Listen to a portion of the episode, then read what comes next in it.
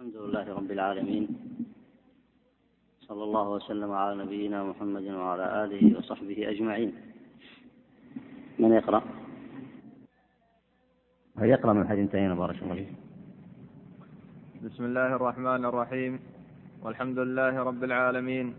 وصل وصل والصلاة والسلام على أشرف الأنبياء والمرسلين نبينا محمد وعلى آله وصحبه أجمعين.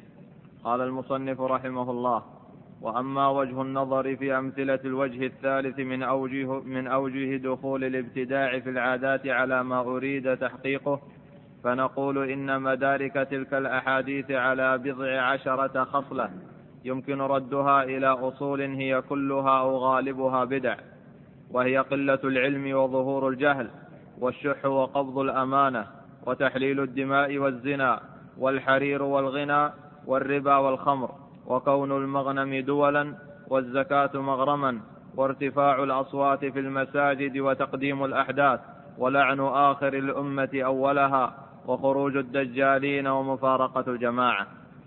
لاحظ أن هذه الأمثلة وردت في الأحاديث السابقة وكثير منها ورد في الأحاديث الصحيحة. وهذه ممكن أن تنظر لها من جهتين. تنظر لها من كونها معصية تقع حينا ثم تزول أو أنها تستمر لكن لا يستدل عليها أصحابها أو لا يجعلونها تحت الشرعية يعني لا يدخلونها ويتحايلون عليها ويدخلونها في أحكام الشريعة.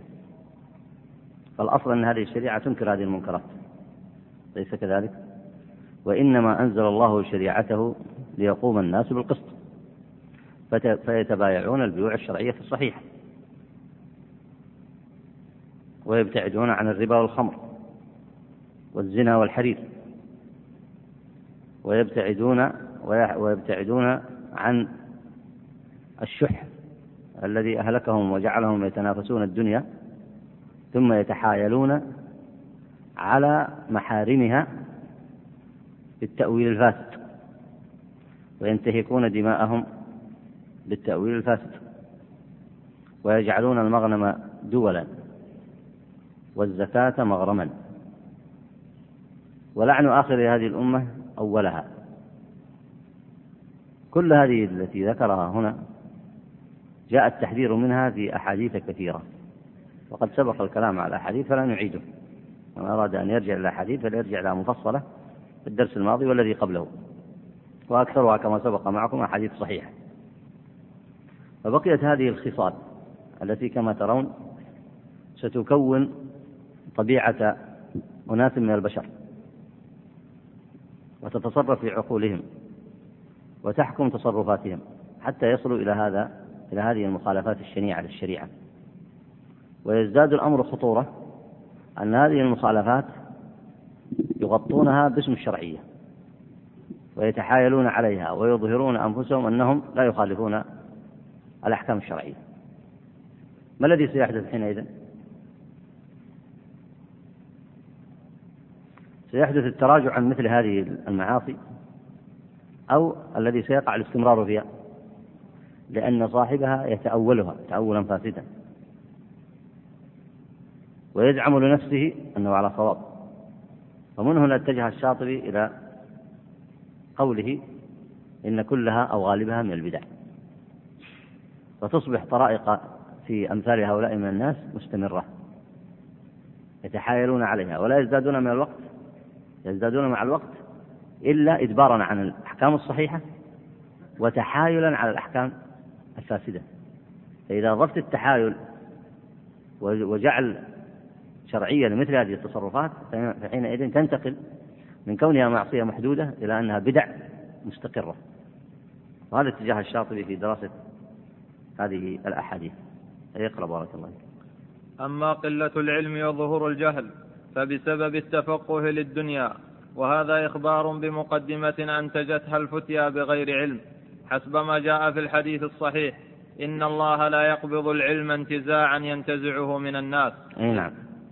فلاحظ هنا الأصل في تعلم العلم عند الصحابة والتابعين ومن سار على طريقهم. الأصل في تعلم العلم للدنيا ولا لتعليم الدين ولعبادة الله ولنصر الشريعة وللفتيا بالحق وللعمل بالاعتقاد الصحيح ونشر التوحيد ونبذ الشرك محاربة البدع وتطبيق أحكام الشريعة. لهذا أمر الله بتعلم العلم. فإذا جاءوا ناس يتعلمون العلم ويعكسون هذه المقاصد بدل أن يتعلمونه لله يتعلمونه للدنيا. وبدل أن يتعلموه ويتبعوا فيه الدليل الصحيح يتعلمونه ويتبعون فيه الشبه والفلسفة وعلم الكلام. وبدل أن يتعلموه ليعملوا به يتعلموه لا ليعملوا به. فهنا أصبحت طريقة التعلم هذه شرعية سنية ولا بدعية؟ أصبحت من طرق الأهواء. لأنها عكست المقصد من تعلم العلم فأصبح فأصبحت النتيجة كما سيذكرها الشاطبي هنا. اقرأ النتيجة الله يسلمك نعم. وذلك أن الناس لا بد لهم من قائد يقودهم في الدين بجرائمهم وإلا وقع الهجر وقع الهرج وفسد النظام فيضطرون إلى الخروج إلى من انتصب لهم منصب الهداية وهو الذي يسمونه عالما. فلا بد أن يحملهم على رأيه في الدين لأن الفرض أنه جاهل فيضلهم عن الصراط المستقيم كما أنه ضال عنه وهذا عين الابتداع لأنه التشريع بغير أصل من كتاب ولا سنة ودل هذا الحديث على أنه لا يؤتى الناس قط من, قط من قبيل علماء من قبيل علمائهم وإنما يؤتون من قبل أنه إذا مات علماؤهم أفتى من ليس بعالم فيؤتى الناس من قبله. وسيأتي لهذا المعنى بسط أوسع من هذا إن شاء الله. وهذا تنبيه إلى دراسة أوضاع المجتمعات. فلاحظ معي أن العلماء كما هو معلوم ينقسمون إلى قسمين. عالم بالسنة علماء سنة وعلماء بدعة. ينقسمون إلى قسمين علماء سنة وعلماء بدعة. علماء يتقون الله عز وجل فيعلمون الناس الدليل الصحيح ويفتونهم بعلم. ويعملون بالدين ظاهرا يرون الناس عليهم طرائق الدين والاستقامة والهداية فهم أولياء لله. يرون الناس هذا عليهم ظاهرا ويعلم من أحوالهم. وعلماء في الصورة يتعلمون العلم على غير الطريقة الشرعية ويفتون بغير علم ويتخذون التقليد مطلبا لهم ويعملون بالأحاديث الضعيفة. وبدل أن يرفعوا للناس راية التوحيد والدعوة إليه يعلمونهم البدع والآفات. وبدل أنهم يدلونهم على الأحكام الشرعية الصحيحة يبيحون المحرمات. فرق بين الصنفين كبير جدا. السبب ماذا؟ لماذا حدث هذا الفرق الكبير؟ الأولون قصدوا ما عند الله بعلمهم وتعلموا العلم على الطريقة الصحيحة. ولذلك خطأهم خطأهم عند الله كما سبق معكم بالأحاديث حديث عبد الله بن عمرو بن العاص. خطأهم عند الله مغفور وعملهم مأجور. وما أصابوا فيه فلهم أجران وما أخطأوا فيه فلهم أجر. لأن مقصدهم ورايتهم ورايتهم تجتمع وترتفع على نصرة التوحيد ونبذ الشرك والبدع. ومن ثم كانت هذه الطريقة السنية في تعلم العلم. الطريقة التي تقابلها هي التي أنشأت الفرق الضالة في الأمة. فأصبحوا آفة كما قال السلف أهل الآفاء أهل الأهواء آفة أمة محمد صلى الله عليه وسلم. آفة من أشد الآفات أشد من آفات الأمراض وأشد من آفات الآفات العظام المادية التي تقع بالأمة. آفة عظيمة.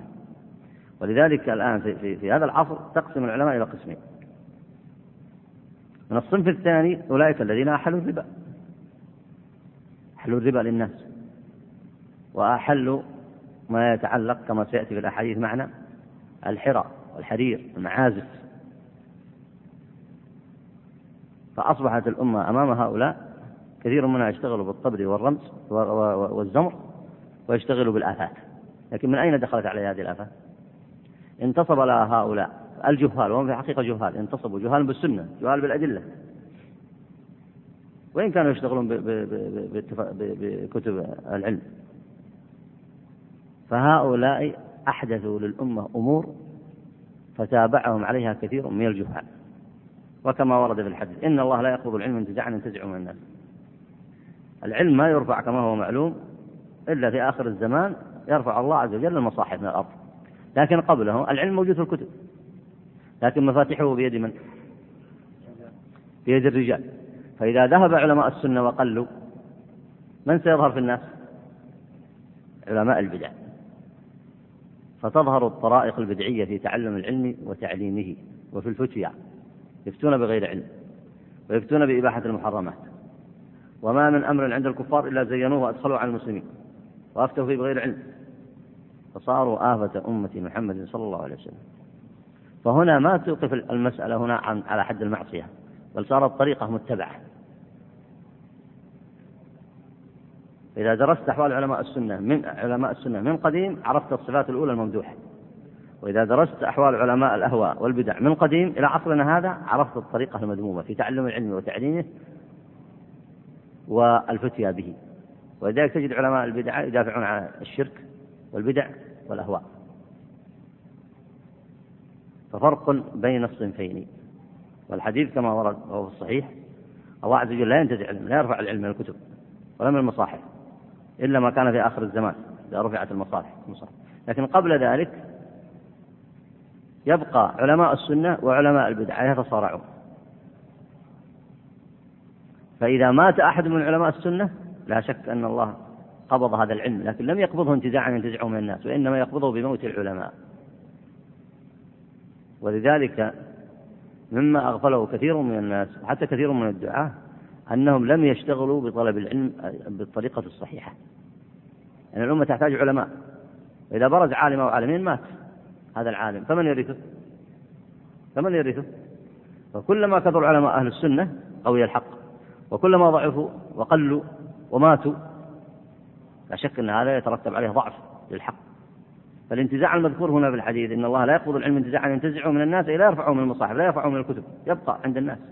لكن ما فائدته إذا بقي عند الناس ولم يكن المشرفين على تعليمه وتعلمه من علماء السنة.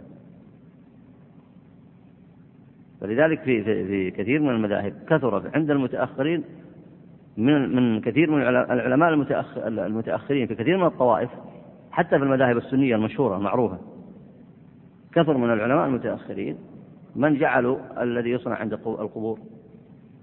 ليس بشرك وإنه أمر مستحسن. ومن جعلوا الكلام في أصول البدع كالإرجاء وغيرها أمر مستحسن. فكيف تتصور أن الأمة تعيش بالصورة الصحيحة؟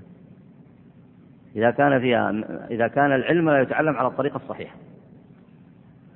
والذين يقودون الناس كثير منهم أو أكثرهم يقودونهم على غير الطريقة السنية الصحيحة. كيف تتصور الأمة تتعلم العلم الصحيح؟ ولذلك تحتاج الأمة إلى إصلاح إلى تجديد. فلا شك أن الأمر إذا وصل إلى هذه الدرجة لا يصل إلى حد إلى إلى الخطأ في طريقة التعلم أو غيرها بل صارت الطريقة بدعية لا تأتي إلا إلا بشر فحق على الناس ووجب على الناس أن يتعلموا العلم على الطريقة السنية الصحيحة. إي نعم. وأما الشح فإنه مقدمة لبدعة الاحتيال على تحليل الحرام. وذلك أن الناس يشحون, يشحون بأموالهم فلا يسمحون بتصريفها في مكارم الأخلاق ومحاسن الشيم كالإحسان بالصدقات والهبات والمواساة والإيثار على النفس ويليه أنواع القرض الجائز ويليه التجاوز في المعاملات بإنظار المعسر وبالإسقاط كما قال تعالى وأن تصدقوا خير لكم إن كنتم تعلمون وهذا كان شأن من تقدم من السلف الصالح ثم نقص الإحسان بالوجوه الأول فتسامح الناس بالقرض. ثم نقص ذلك حتى صار الموسر لا يسمح بما في يديه فيضطر المعسر إلى أن يدخل في المعاملات التي ظاهرها الجواز وباطنها المنع. كالربا والسلف الذي يجري الذي يجر النفع فيجعل بيعا في الظاهر ويجري في الناس شرعا شائعا. فيجعل نعم. فيجعل بيعا في الظاهر ويجري في الناس شرعا شائعا. ويدين به العامة وينصبون هذه المعاملات هذه المعاملات متاجر وأصلها الشح بالأموال وحب الزخارف الدنيوية والشهوات العاجلة فإذا كان كذلك فالحري أن يصير ذلك ابتداع في الدين وأن يجعل من أشراط الساعة. نعم هذا المثال الثاني. المثال الأول في شأن العلماء. تمييز علماء البدعة عن علماء السنة. المثال الثاني الشح. وهذه دراسة إلى الانحرافات التي تقع عند الناس. فلاحظ هنا أن الشح معصية لكن الشح إذا اقتصر شره على نفس صاحبه لا يتعداه إلى غيره يصبح معصية. كما أن الذي لا يقتدى به وإن كان عنده علم لكن اقتصر شره على نفسه. فلا يبيح محرما ولا يدل على فتنة ولا ينصر بدعة. وإن كان لا أحد ينتفع به وهو عاص في نفسه فإن شره على نفسه. فانظر هنا كيف انتقل الشاطئ من تحليل قضية الشح مع أنها معصية في الأصل ليبين لك ما ترتب عليها من الطرائق البدعية. وهي دراسة آه، اجتماعية لطبائع الناس تنقلك لمعرفة ما تؤول إليه هذه المعاصي. وإلا فإن الشح في ذاته معصية. لكن إذا تعدى أمره لينقل صاحبه أو لينقل من ينتشر فيهم حتى يكون سببا في إحداث طرائق بدعية ما أنزل الله بها من سلطان. فيصير هنا التركيز عليه في الأحاديث لا على أنه مجرد معصية خاصة لا يتعدى ضررها بل لأنها أدت إلى انتشار الطرائق البدعية. كيف يكون ذلك؟ قال رحمه الله الأصل في تعامل الناس كما نشأ الإسلام أول مرة وتعامل القائمين بشريعة الله. الأصل أنهم يتصرفون في أموالهم وتعاملهم مع الناس بأحكام الشريعة. فمن ذلك الإحسان في الصدقات. يتصدقون والهبات. والهبة قد تكون بعوض قد تكون بغير عوض. والمواساة. والإيثار على النفس. ويليه أنواع القرض الجائز. يأتيك إنسان فتقرضه قرضا حسنا لا تأخذ منه زيادة. وتأخذ منه ربا. ويليه التجاوز في المعاملات التسامح الذي يجري بين الناس. ومثله إنظار المعسر. فإن كان ذو عسرة فنظرة إلى ميسرة. وبالإسقاط يسقط عنه ما عليه. وهذا كان شأن من تقدم من السلف من السلف الصالح. وهكذا ينبغي شأن الناس. لأن الآن دارت أعمالهم في وسط هذا الإطار الذي أمر الله به وندبهم إليه. فيجرون معاملاتهم في البيع والشراء والتعامل في داخل هذه الدائرة الشرعية الصحيحة. قال ثم نقص الإحسان بالوجوه. صار الذي يحسن قليل ثم تجاوزوا في ذلك فيضطرون ثم نقص الإحسان بالوجوه الأول اللي هي الإحسان بالصدقات والهبات والمواساة والإيثار. ثم بدأ الناس يتسامحون في القرض ثم نقص ذلك حتى صار الموسر لا يسمح بما في يديه.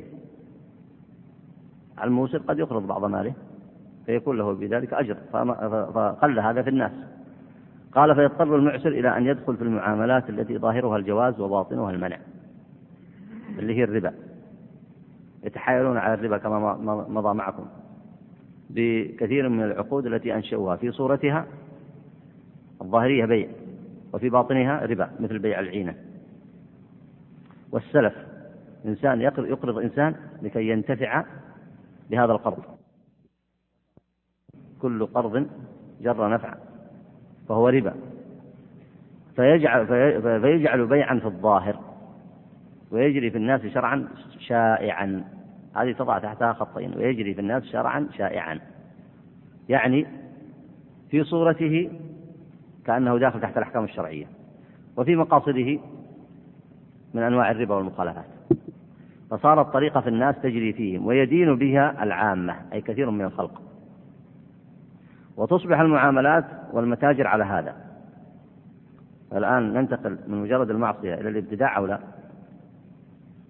وهذا كله من أبواب المعاملات وهذا كله من أموال من أبواب المعاملات. أي نعم اقرأ الذي بعده.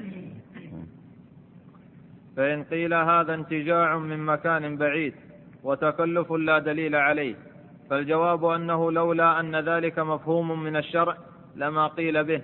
فقد روى أحمد في مسنده من حديث ابن عمر رضي الله عنهما قال سمعت رسول الله يقول إذا ظن الناس بالدينار والدرهم وتبايعوا بالعينة واتبعوا أذناب البقر وتركوا الجهاد في سبيل الله أنزل الله بهم بلاء فلا يرفعه حتى يراجعوا دينهم. ورواه أبو داود أيضا وقال فيه إذا تبايعتم بالعينة وأخذتم أذناب البقر ورضيتم بالزرع وتركتم الجهاد سلط الله عليكم ذلا لا ينتزعه حتى ترجعوا إلى دينكم. والحديث هذا صحيح بمجموع طرقه. فلاحظوا هنا الذي في الحديث أن الأمة أو أكثر الخلق يتخلون عن القضايا الأساسية التي هي طريق العزة ونصرة الدين والمحافظة على المقاصد التي أنزل الله عز وجل من أجلها شريعته. والتي من أجلها جعل هذه الأمة شاهدة على البشرية. إذا جيت عند الجيل الأول والأجيال التي تتابعت في القرون الأول وجدتها تحقق المقصد من هذه الشريعة. فالتسامح هو الجاري بينهم. البيوع المحرمة ليست موجودة عندهم تبايعوا بالعينة. لم يتبعوا أذناب البقر ويتركوا ما أمرهم الله عز وجل. أخذوا الدنيا من تحت حكم الشرع. وأخذوها ليتقووا بها على طاعة الله. ولك أن تدرس سيرة الصحابة النبي صلى الله عليه وسلم وأصحابه رضوان الله عليهم و آه، الخلافة الراشدة ومن جاء بعدهم من أهل الإسلام ممن اتبعوا التابعين بإحسان. تجد الصورة واضحة ليست موجودة هذه الأحاديث لا تنطبق هذه الأحاديث فيهم ولم يتركوا الجهاد في سبيل الله لأنهم يعرفون أنه يعزهم وأنه يتعلق به منفعة البشرية في إبلاغ الحق والهدى للناس عامة. الذين جاءوا من بعدهم على العكس من هذا. فما الذي يحدث؟ ما الذي يحدث؟ إذا آتى الله أولئك عزا سلط الله على من بعدهم ذلا. فهذه من من الدراسات الاجتماعية الحقيقية لواقع هذه الأمة. والذي يريد الحل والصواب والطريق الصحيح معلوم. يعني هذه لابد تربى الأمة حتى تخرج من هذه الصفات الموجودة هذه. الصفات السيئة. وانتظر ماذا يحتاجه طلاب العلم والعلماء والمصلحون. إذا خرجت من هذه الصفات السيئة ترجع إلى الصفات المحمودة وترجع إلى الشرف الذي توجها الله به. فيصير العالم تبع لها يصير العالم تبع لها في أي شيء في الهدى والدين والحق والعدل. أي نعم. فتأمل كيف قرن التبايع بالعينة بظنة الناس. فأشعر بأن التبايع بالعينة يكون عند الشح بالأموال وهو معقول في نفسه. فإن الرجل لا يتبايع أبدا هذا التبايع وهو يجد من يسلفه أو من يعينه في حاجته إلا أن يكون سفيها لا عقل له. يلاحظ هنا الآن آه هذا الربط الجيد. من يستطيع أن يكشف الربط الذي ربطه الشاطبي الآن بين التبايع بالعينة وبين ما أصاب الناس من تغير في أخلاقهم؟ وهو ربط هذا بموضوع الشح الذي ورد في الحديث. ونقله من أن يكون مجرد معصية إلى أن يكون طريقة منتشرة في الناس. تفضل.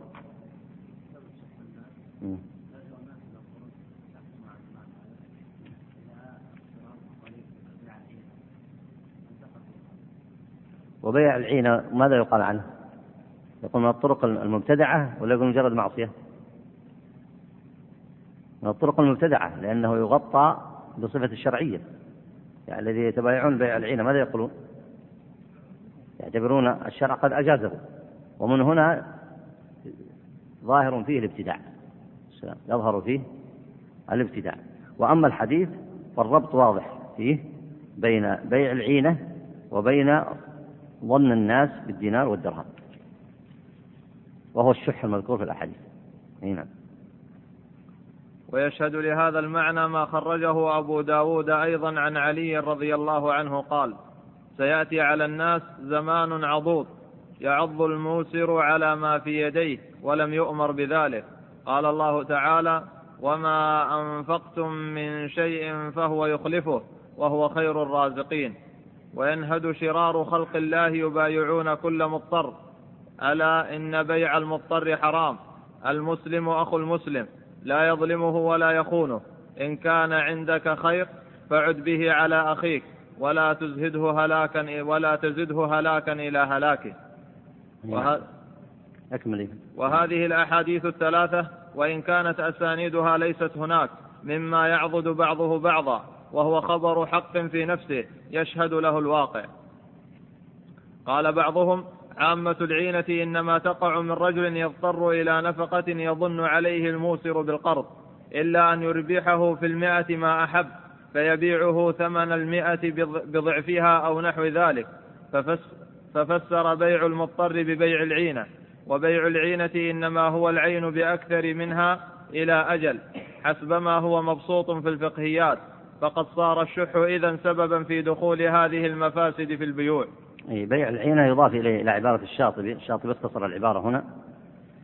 فهو بيع الرجل السلعة بثمن معلوم إلى أجل معلوم ثم يشتريها منه بأقل من ذلك الثمن. ثم يشتريها منه بأقل من ذلك الثمن. أبيعك سيارتي مثلا بخمسين ألف إلى أجل معلوم إلى سنة. بعد سنة تدفع لي الخمسين. ثم أشتري منك هذه السيارة بأقل من الخمسين. بأقل من الخمسين. فيصير السيارة كأنها صورة كأنها صورة في العقد.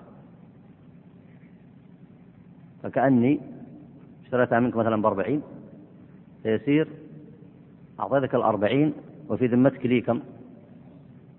خمسين. فإذا أعطيتك أربعين وأعطيتني خمسين. يصير في زيادة ربوية ولا لا؟ يصير أربعين بخمسين. يصير أربعين بخمسين. والسيارة وين تروح؟ صارت صورة في البيع. ونهاية البيع أصبح أربعين ألف بخمسين ألف. في ذمة في في في آه، في ذمتك لي خمسين. وأنا أعطيتك أربعين. صارت أربعين بخمسين والفرق العشرة هذه أنا أخذها زيادة على الثمن. أي نعم. الحديث طبعا الذي ذكره وقال أخرجه أبو داود فيه ضعف. ضعيف إسناده ضعيف. وبيع المضطر فيه خلاف. بيع المضطر فيه خلاف. أي نعم. طيب اقرأ بارك الله فيك. فإن قيل كلامنا في البدعة في في فساد المعصية لأن هذه الأشياء بيوع فاسدة فصارت من باب آخر لا كلام لنا فيه.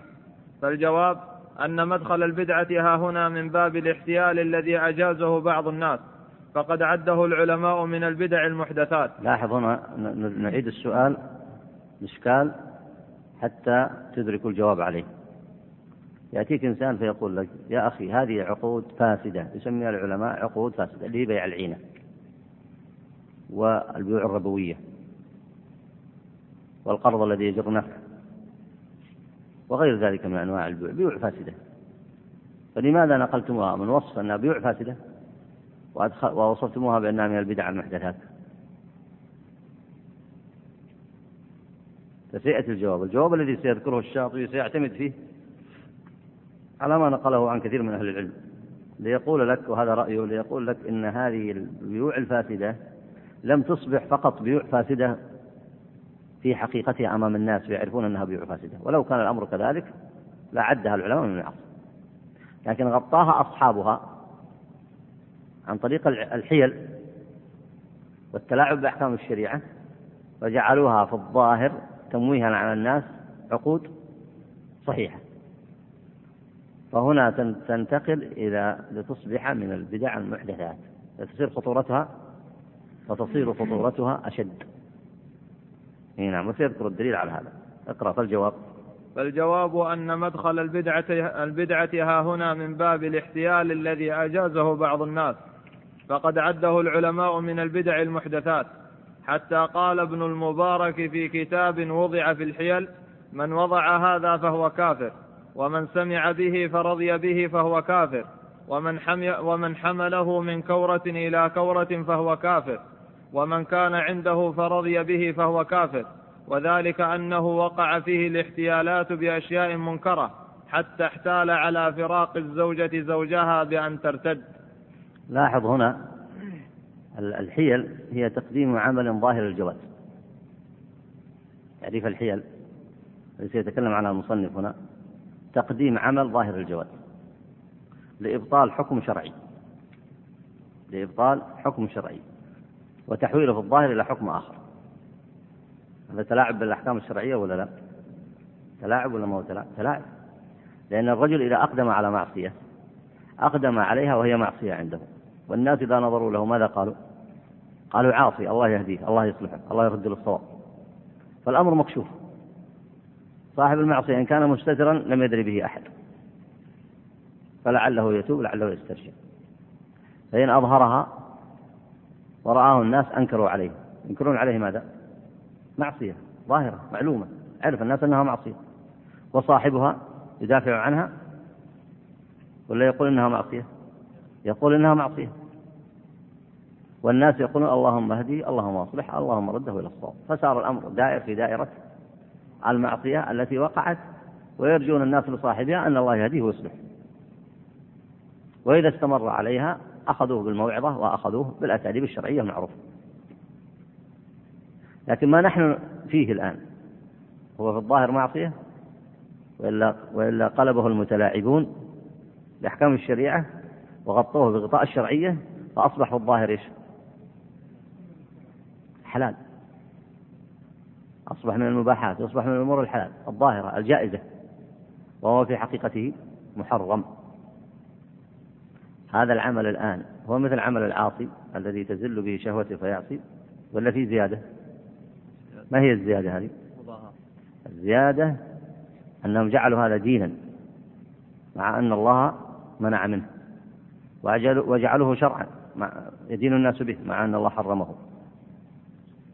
وتحايلوا على هذه الأعمال فأظهروها بصورة الجواز؟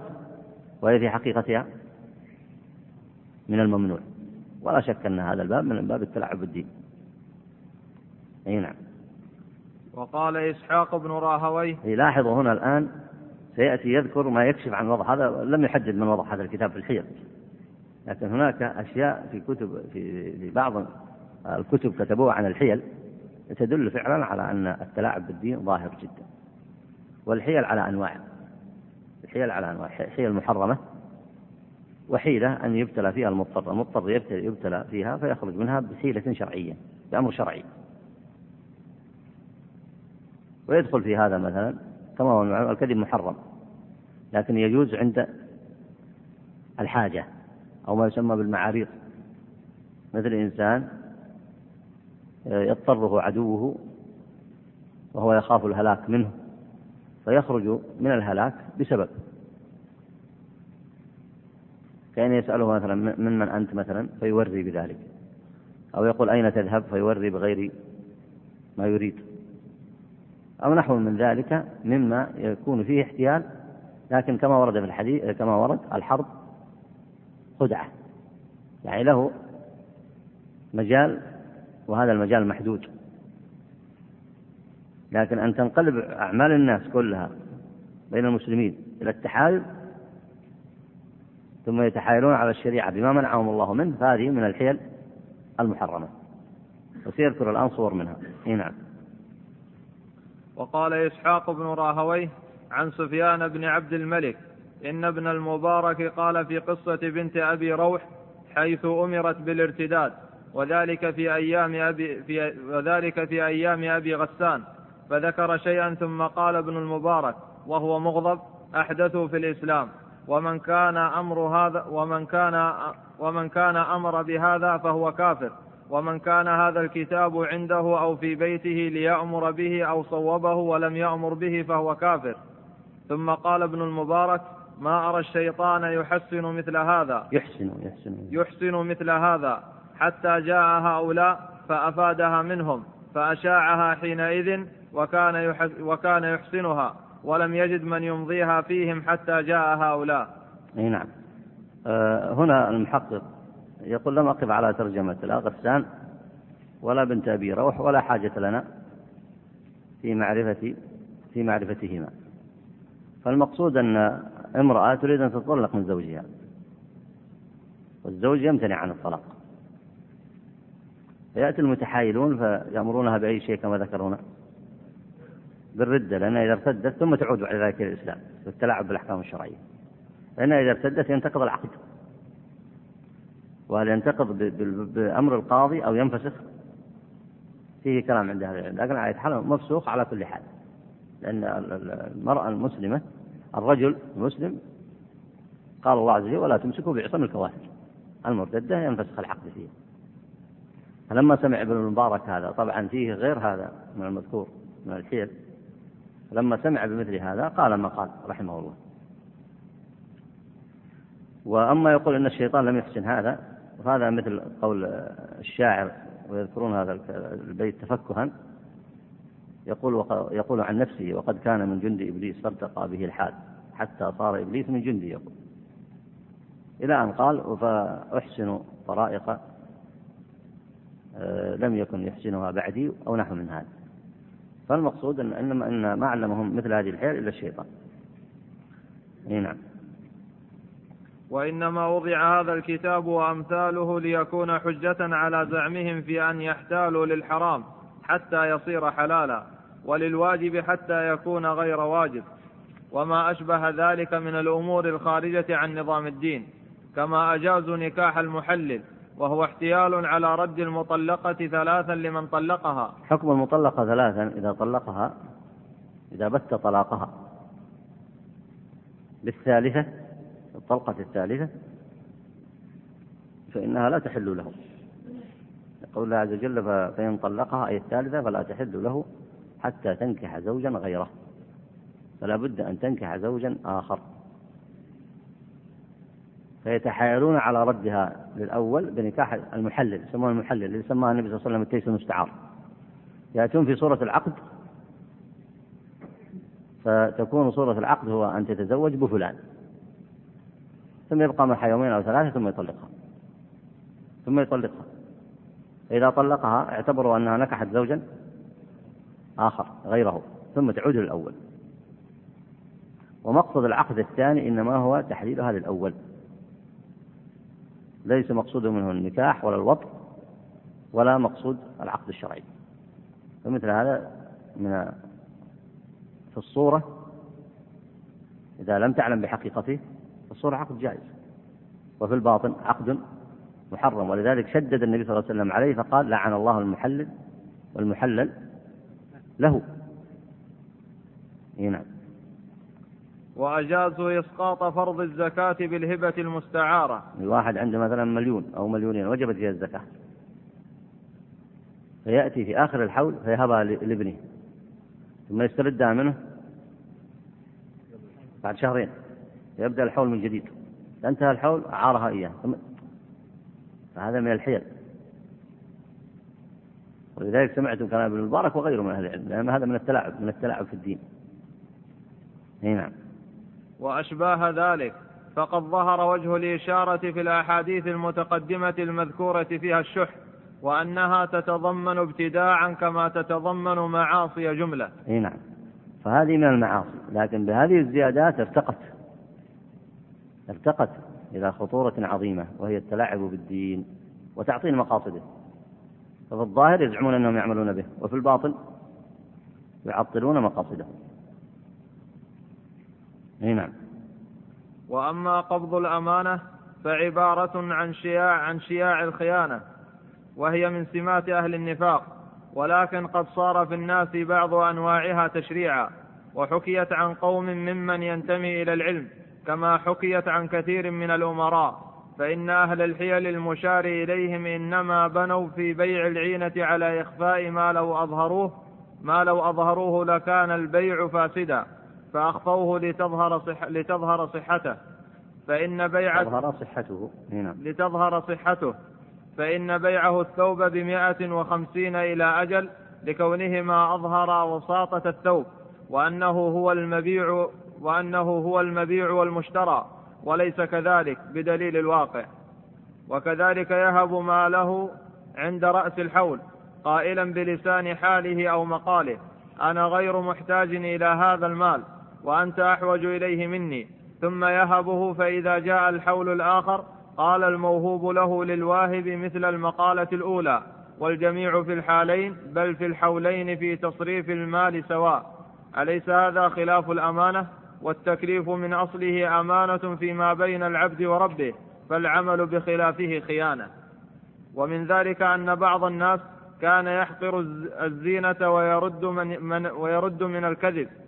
ومعنى الزينة التدريس بالعيوب وهذا خلاف الأمانة والنصح لكل مسلم. وأيضا فإن كثيرا من الأمراء يجتاحون أموال الناس اعتقادا منهم أنها لهم دون المسلمين ومنهم من يعتقد نوعا من ذلك في الغنائم المأخوذة عنوة من الكفار فيجعلونها في بيت المال ويحرمون الغانمين ويحرمون الغانمين من حظوظهم منها تأويلا على الشريعة بالعقول.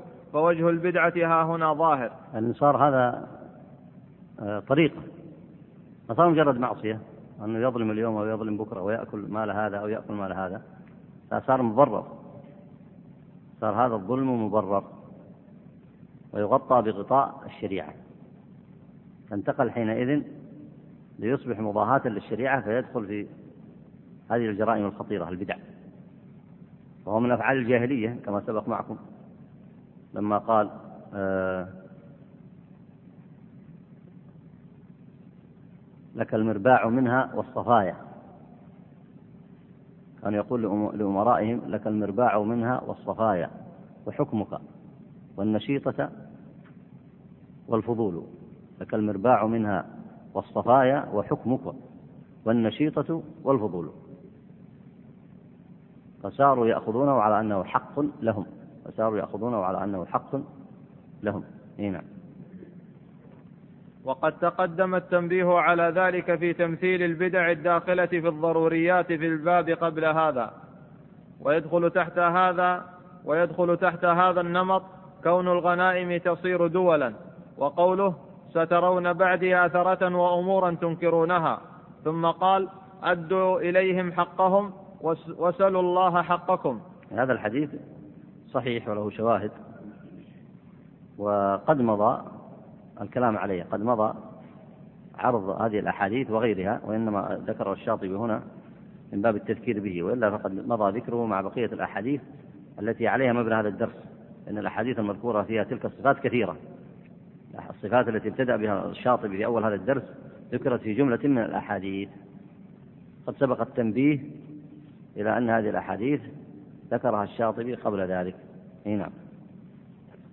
وأما تحليل الدماء والربا والحرير والغنى والخمر فخرج ناس من أمة الخمر يسمونها بغير اسمها.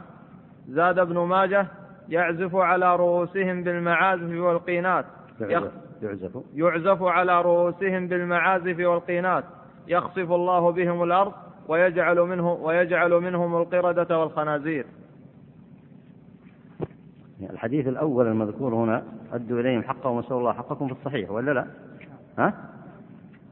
إيه الحديث الذي سبق كلامي فيه أنه له شواهد هو الحديث الثاني هذا حديث أبي داود حديث أبي مالك الأشعري أما الحديث الذي قبله أدوا إليهم حقهم وسألوا الله حقكم في الصحيح كما سبق آه هذا الحديث حديث أبو داود الحديث الثاني الذي أخرجه أبو داود وأحمد وغيرهما عن أبي مالك الأشعري هو صحيح له شواهد كثيرة. إي نعم. ولاحظ ولاحظ هنا أن الصور المذكورة هنا في استحلالها ليشربن ناس من أمة الخمر يسمونها بغير اسمها. لاحظ يعني هم الآن لو أرادوها معصية لا أبقوها كما هي. أنت وش تشرب أنت يا فلان؟ قال أنا أشرب خمر. قال تب إلى الله. تاب اليوم ولا تاب بكرة؟ لكن يسميها إيش؟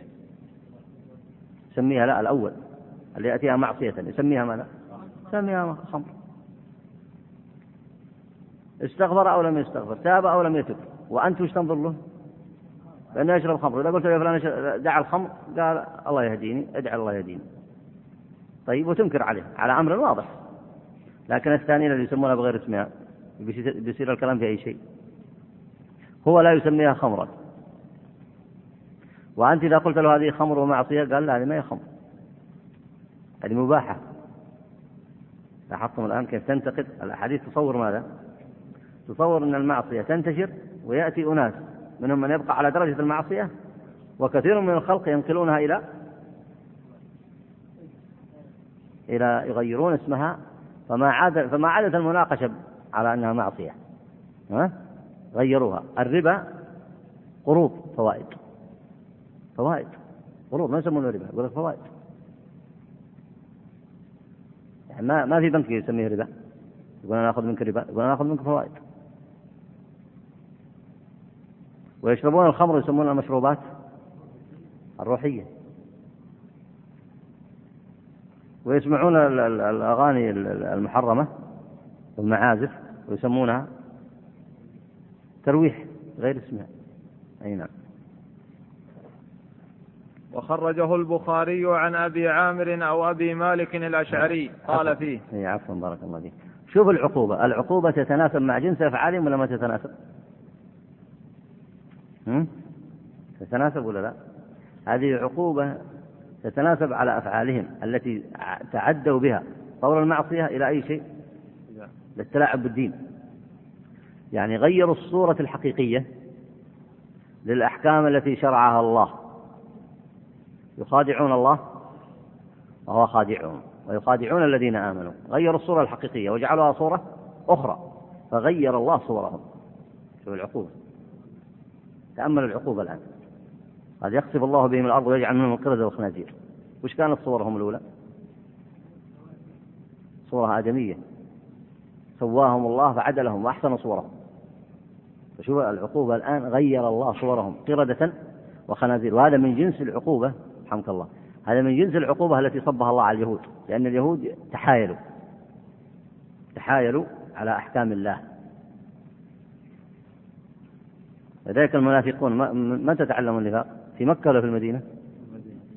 ممن تعلموه؟ من اليهود ولا العرب قبل ما يتعلم قبل ما ينتشر النفاق في العرب طبيعتهم إما كفار صرحاء وإلا مؤمنين صادقين ما يعرفون النفاق الذي نشأ في المدينة.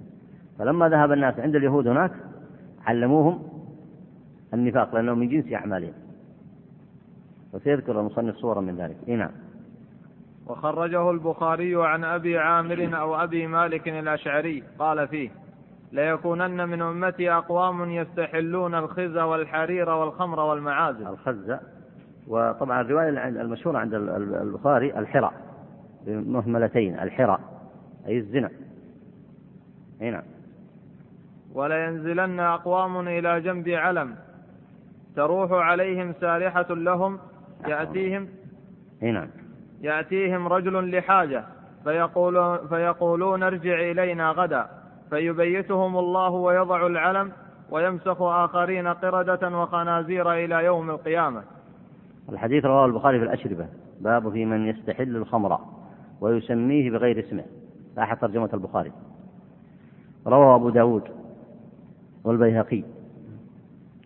والحديث حجة عظيمة في بيان شرط من أشراط الساعة. وحجة أيضا في تحريم الخمر والحرير والمعازف. وأنتم تلاحظون أن كثير من الناس حتى اللي يقول بتحريم الحرير والخمر يخرجون المعازف. والحديث وارد في أي شيء؟ وارد في الثلاثة. والبخاري ورواه تعليقا وهو حديث صحيح وصله غيره. وذكر ذلك ابن حجر. فالحديث حجة في تحريم المعازف. وأما العقوبة الموجودة هنا فلأنهم يتلاعبون بأحكام الشريعة. يتلاعبون ولذلك ذكر الشاطبي هذا المثال على أنه من البدع المحدثات. الذي ينتقل من مجرد المعصية التي قد يت... التي لا تتعدى صاحبها أو تتعدى صاحبها. ولا تغطى بغطاء الشرعية تنتقل هذه المعاصي لتصبح ديدنا في الناس باسم أنها مباحة أو أنها تسمى بغير بغير اسمها ولاحظوا أنها إذا بقيت مجرد معصية أنها لا تكون دائرتها واسعة أليس كذلك؟ ها؟ وإذا خرجت من وصف المعصية تتسع دائرتها ولا ما تتسع؟ وهذا الذي يفسر لك اتساع دائرة الانحراف في العالم الإسلامي. لو أن الناس تعاملوا مع هذه الأمور على أنها معاصي هل تكون دائرتها كما هي كما هي الآن في العصور المتأخرة؟ ما تكون تكون أضيق. لكن أخرجوها من دائرة المعاصي إلى دائرة ما يستحلونه على أنه في حكم الحلال. يسألك هذا يقول لك من الذي حرم المعازف؟ فتقول النبي عليه الصلاة والسلام فيتأول على النبي صلى الله عليه وسلم ويتأول الأحاديث ويدعها ويقول لك لا هي صحيحة فلان قال كذا وفلان قال كذا وفلان قال كذا. فيبيحها. تتسع الدائرة ولا ما تتسع؟ يأتي الجهال فيسمعون منه. فقال يقول هذا مباح فيعملون بها. والخمر تسمى بغير اسمها. فتتسع دائرتها.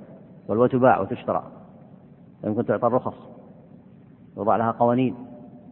هذه يوسع دائرته ولا ما يوسع دائرته؟ يوسع دائرته.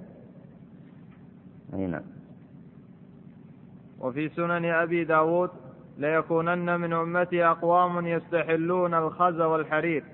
وقال في آخره يمسخ منهم آخرين قردة وخنازير إلى يوم القيامة. والخز هنا نوع من الحرير ليس الخز المأذون فيها المنسوج من حرير وغيره.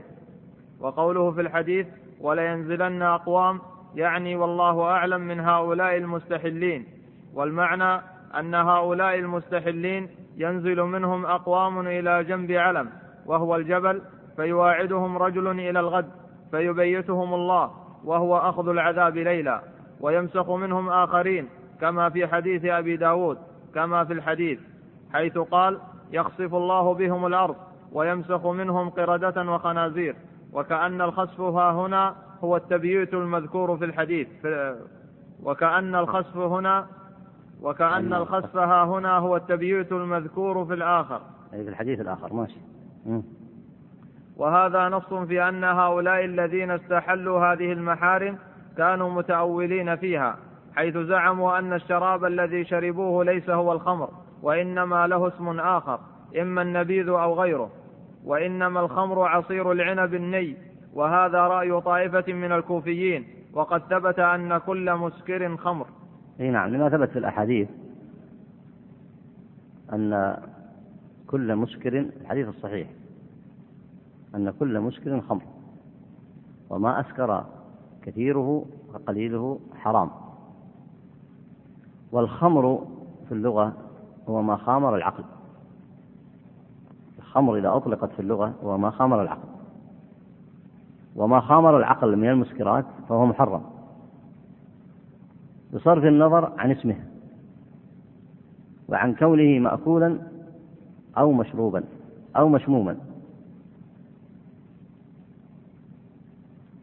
أو مطبوخا. ممكن يطبخ الإنسان العصير عصير العنب يطبخه مع نوع من الطعام فإذا أكله سكر ولذلك من العلماء من قال إن الخمر محرمة بالنص.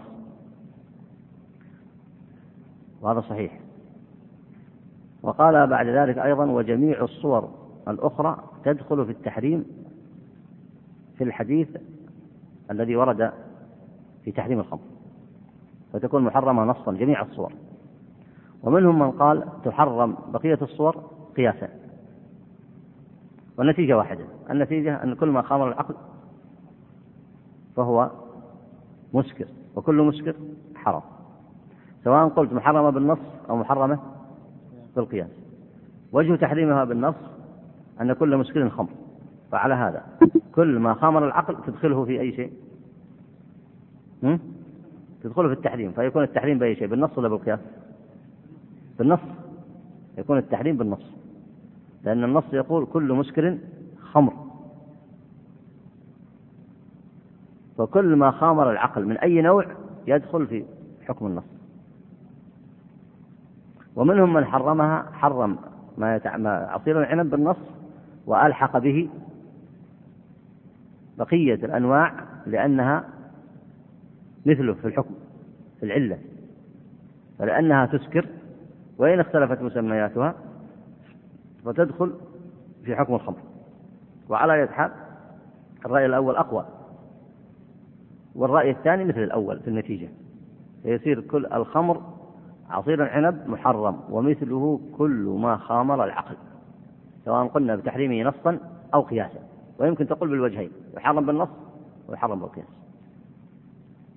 فهؤلاء يتجاوزون هذا كله ويقولون إنما ورد التحريم في عصير العنب. لكن إذا كان في عصير التفاح إذا كان في العصيرات الأخرى وقلب رأسه وخامر عقله وأفسد عقله وجعله مثل اللي يشرب عصير العنب قال لا ما يصير محرم. وهذا آه، قول فاسد. فلاحظوا هنا أن الخمر سواء كانت من عصير العنب أو من غيره هي محرمة ولك أن تقول محرمة بالنص وبالقياس. نعم.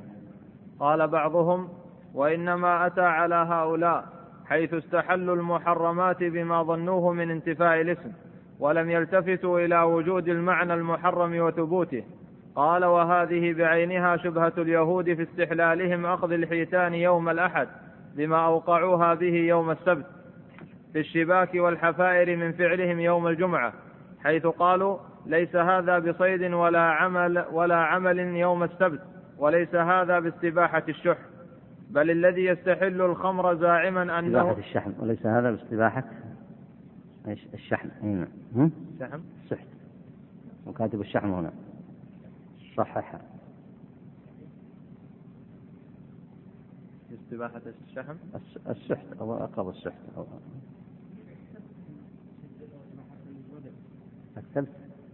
استباحة السبت أو السحت كله لأن السحت محرم ويمكن السبت أحسن. الأقرب وش مذكور في عند رشيد الرضا السبت إيه؟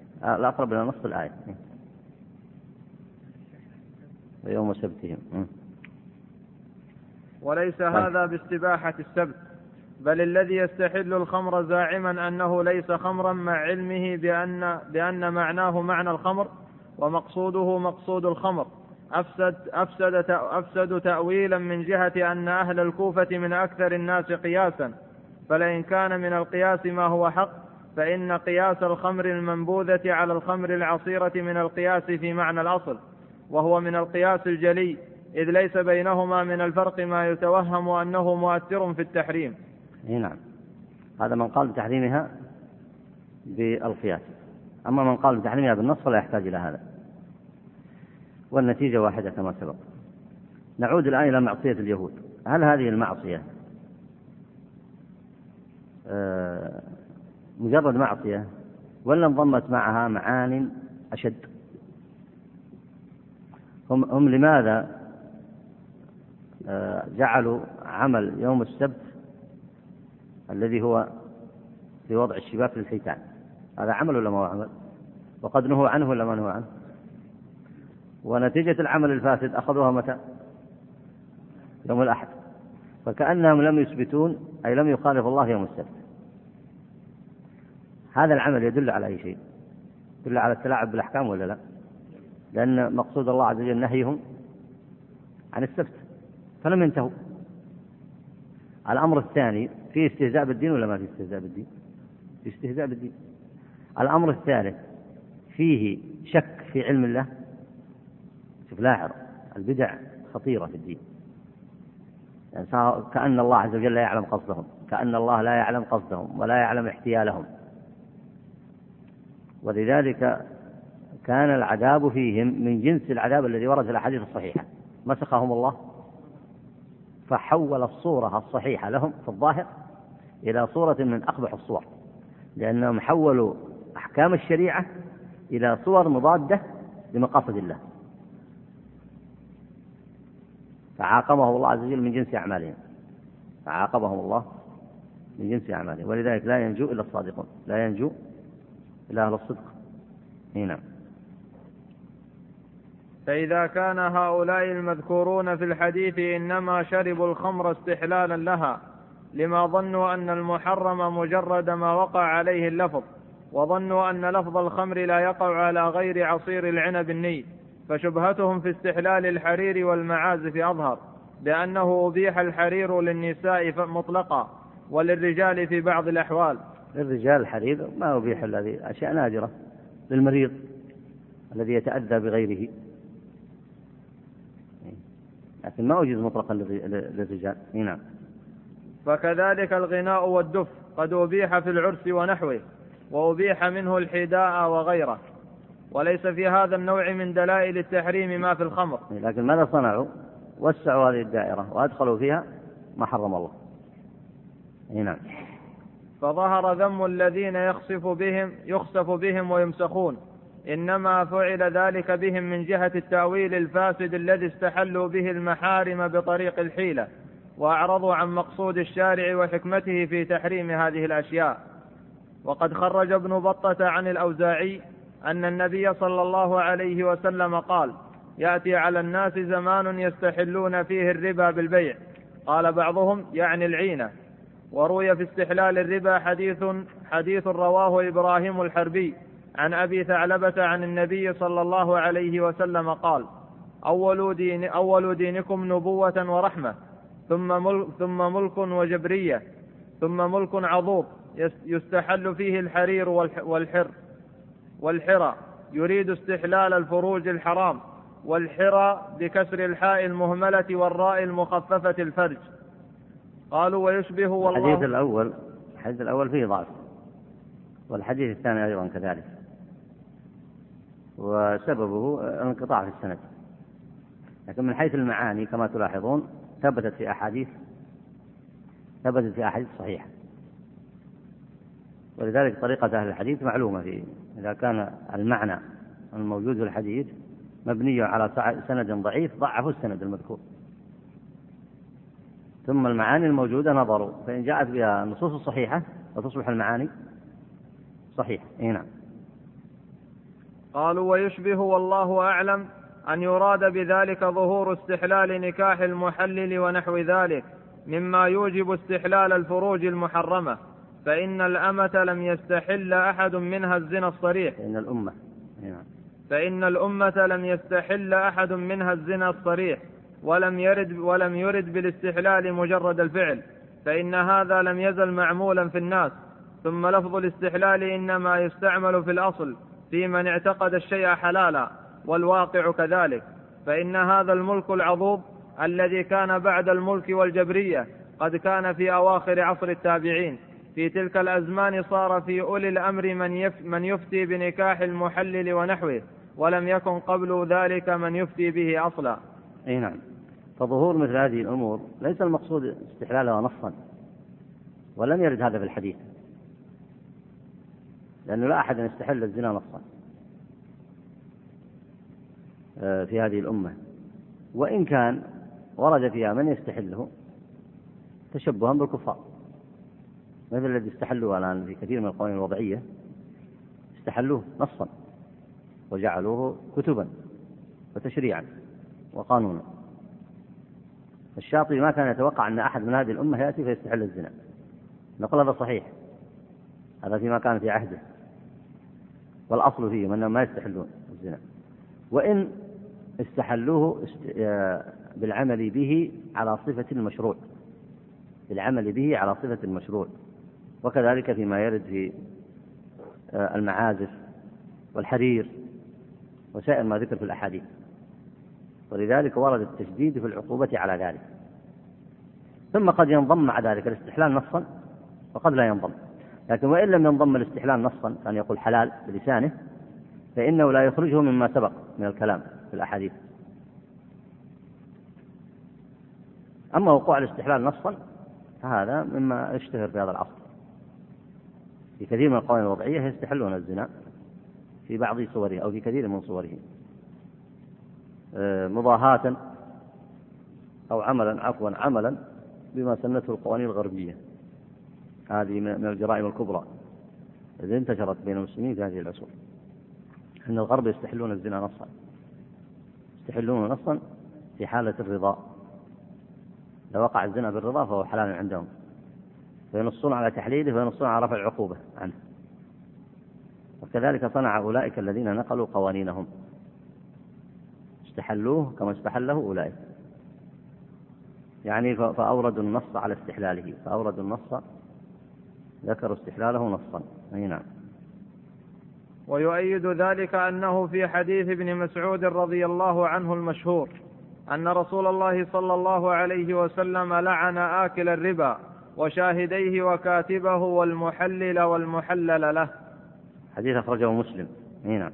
وروى أحمد عن ابن مسعود رضي الله عنه عن النبي صلى الله عليه وسلم قال ما ظهر في قوم الربا والزنا إلا أحلوا بأنفسهم عقاب الله. فهذا يشعر بأن التحليل من الزنا كما يشعر أن العينة من الربا. الحديث الثاني أخرجه الإمام أحمد. حديث عبد بن مسعود. نعم. وقد جاء عن ابن عباس رضي الله عنهما موقوفا ومرفوعا. قال يأتي على الناس زمان يستحل فيه خمسة أشياء بخمسة أشياء. يستحلون الخمر بأسماء يسمونها بها والسحت بالهدية والقتل بالرهبة والزنا بالنكاح والربا بالبيع. إي نعم. هذا الحديث قال هنا المحقق قال لم يعثر له على إسناد. لم يعثر له على إسناد لكن الذي ورد ورد في الأحاديث الصحيحة. يستحلون الخمر بغير اسمها هذا ورد في الصحيح. والسحت بالهدية يأتون مثلا بدل ما يأخذ الرشوة صراحة يقول له اقضي لي هذا الأمر أو افعل لي هذا الأمر وهو لا يحل له ثم يرسل له هدية. فيصير يصير الرشوة وصلته في صورة إيش؟ صورة هدية. والقتل بالرهبة بالسياسة تخبطون في دماء الناس بغير حق. يقول حتى تقوم الرهبة للملوك. والزنا بالنكاح اللي هو مثل نكاح المتعة وكثير من الأنكحة الجاهلية المحرمة. والربا بالبيع اللي هو بيع العينة. صورته مآله الربا وصورته البيع. نعم. فإن الثلاثة المذكورة أولا قد سبقت. سبقت الأحاديث. وأما استحلال السحت الذي هو العطية للوالي والحاكم ونحوهما باسم الهدية فهو ظاهر. واستحلال القتل باسم الإرهاب الذي يسميه ولاة الظلم سياسة وأبهة الملك ونحو ذلك فظاهر أيضا وهو نوع من أنواع شريعة القتل المخترعة. نعم لأن نكتفي بهذا إن شاء الله ونتابع كلام المصنف في الدروس إن شاء الله بعد الحج بمشيئة الله تعالى. أما الدرس القادم فستكون مدارسة معكم فيما يتعلق بأحكام الحج. فكل منكم يراجع ما استطاع مما تيسر له وتكون يكون الدرس القادم لقاء مفتوح في هذه مدارسة ما يتعلق بأحكام الحج إن شاء الله تعالى.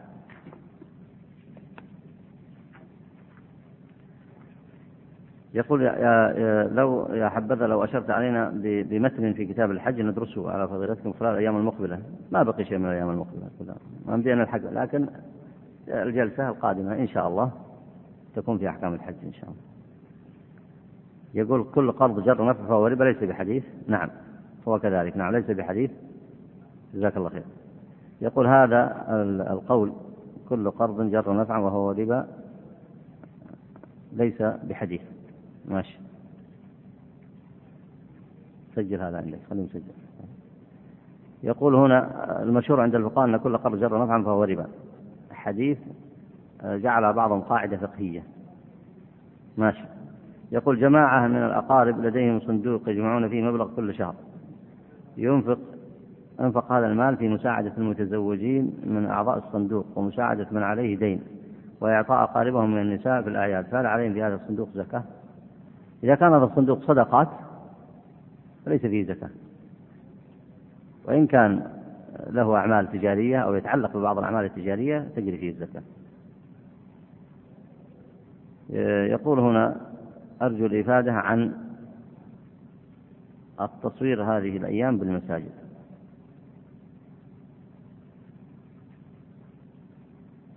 أي نعم وهو غير واضح. التصوير بالفيديو يعني العلماء لهم فتوى فيه. وما ينبغي الإكثار منه أيضا. يعني لكن على أي حال من العلماء من يفرق بين التصوير بالفيديو والتصوير بالصورة العادية لأن الصورة العادية يعتبرونها صورة ثابتة. صورة ثابتة كالصورة التي تعلق مثلا أو التي تثبت. وهذه قالوا بجوازها للضرورة لأن الأصل التحريم فيها. أما الصورة التي في الفيديو قال هذه صورة غير متحركة. هذه عفوا صورة متحركة غير ثابتة. والله أعلم. طيب تفضل. سبحانك اللهم وبحمدك. لا إله إلا أنت.